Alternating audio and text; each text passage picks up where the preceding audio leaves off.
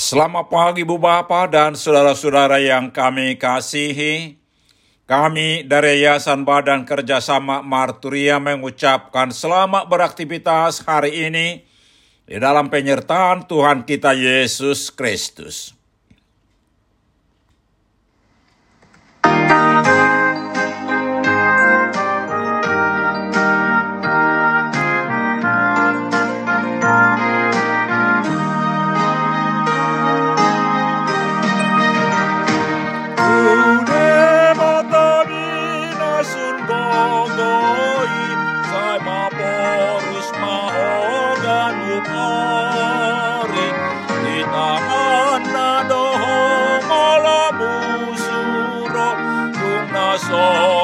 tiap buwan na ho Di tangan na doho mola busuro Kung nasonang tiap buwan na ho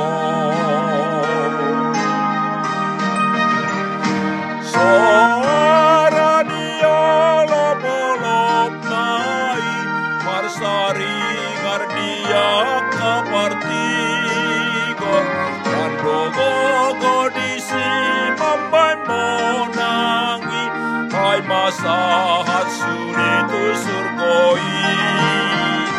Dan rogo di simamban monangi pai masahat sulit surgoi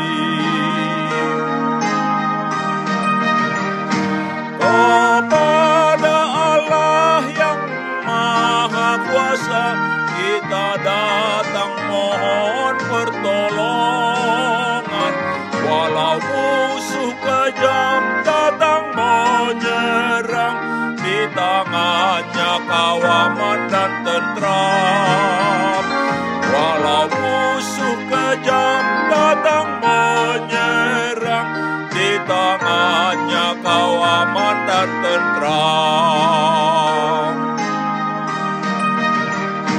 Pujian merdu kepada Tuhan dari semua orang percaya. Dengan Tuhan kita akan menang sampai kita ke surga yang bakal akan menang sampai kita ke surga yang bakal.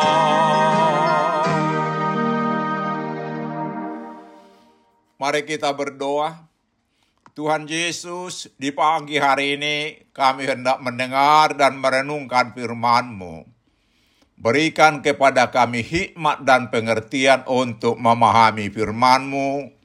Dan tolong kami Tuhan untuk melakukan firman-Mu dalam kehidupan kami. Amin. Saudara-saudara yang dikasihi Tuhan Yesus, firman Tuhan untuk kita renungkan di pagi hari ini terambil dari Yesaya 30 ayat 26 dengan tema Tuhan memulihkan umatnya demikian firman Tuhan. Maka terang bulan purnama akan seperti terang matahari terik dan terang matahari terik akan tujuh kali ganda.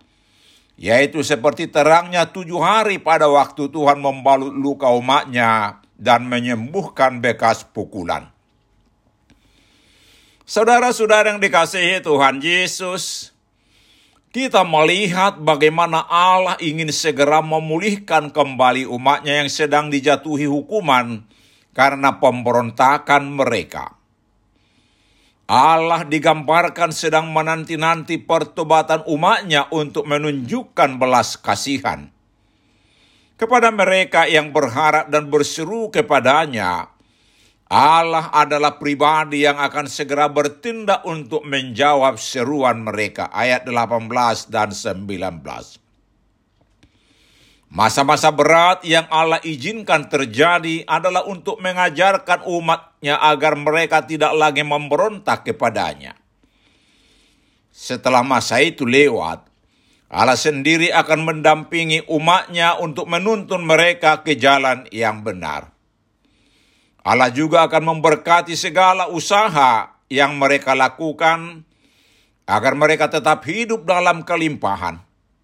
Saat hari itu tiba, Allah akan tampil sebagai cahaya yang menerangi umatnya. Ayat 20 dan 21. Memang betul Allah lah yang menghukum mereka dengan membuang mereka ke negeri asing. Sebab Allah tak membiarkan kesalahan tanpa konsekuensi. Namun pembuangan itu bukan karena Allah tidak lagi mengasihi umatnya.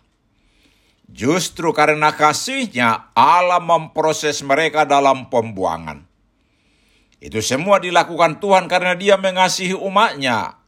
Oleh karena keadilan yang didasarkan atas kasihnya, maka Tuhan akan memulihkan dan menolong serta memberikan perlindungan kepada umatnya jika mereka mau berbalik dan memohon pertolongan kepada Tuhan.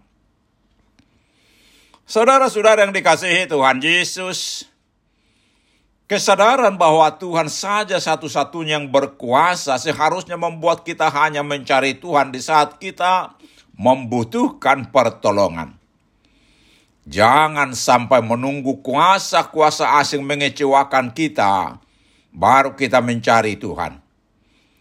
Pahami dan ingatlah baik-baik bahwa Tuhan saja satu-satunya yang dapat memberikan pertolongan dan perlindungan kepada kita, karena Dia yang paling mengasihi kita.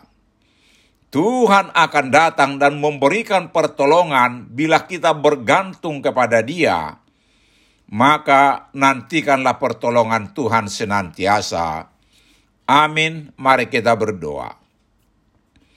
Ya Tuhan, pulihkanlah keadaan kami dan sertailah perjalanan hidup kami. Biarlah kasih-Mu membalut hidup kami. Amin. Tuhan Yesus memberkati kita.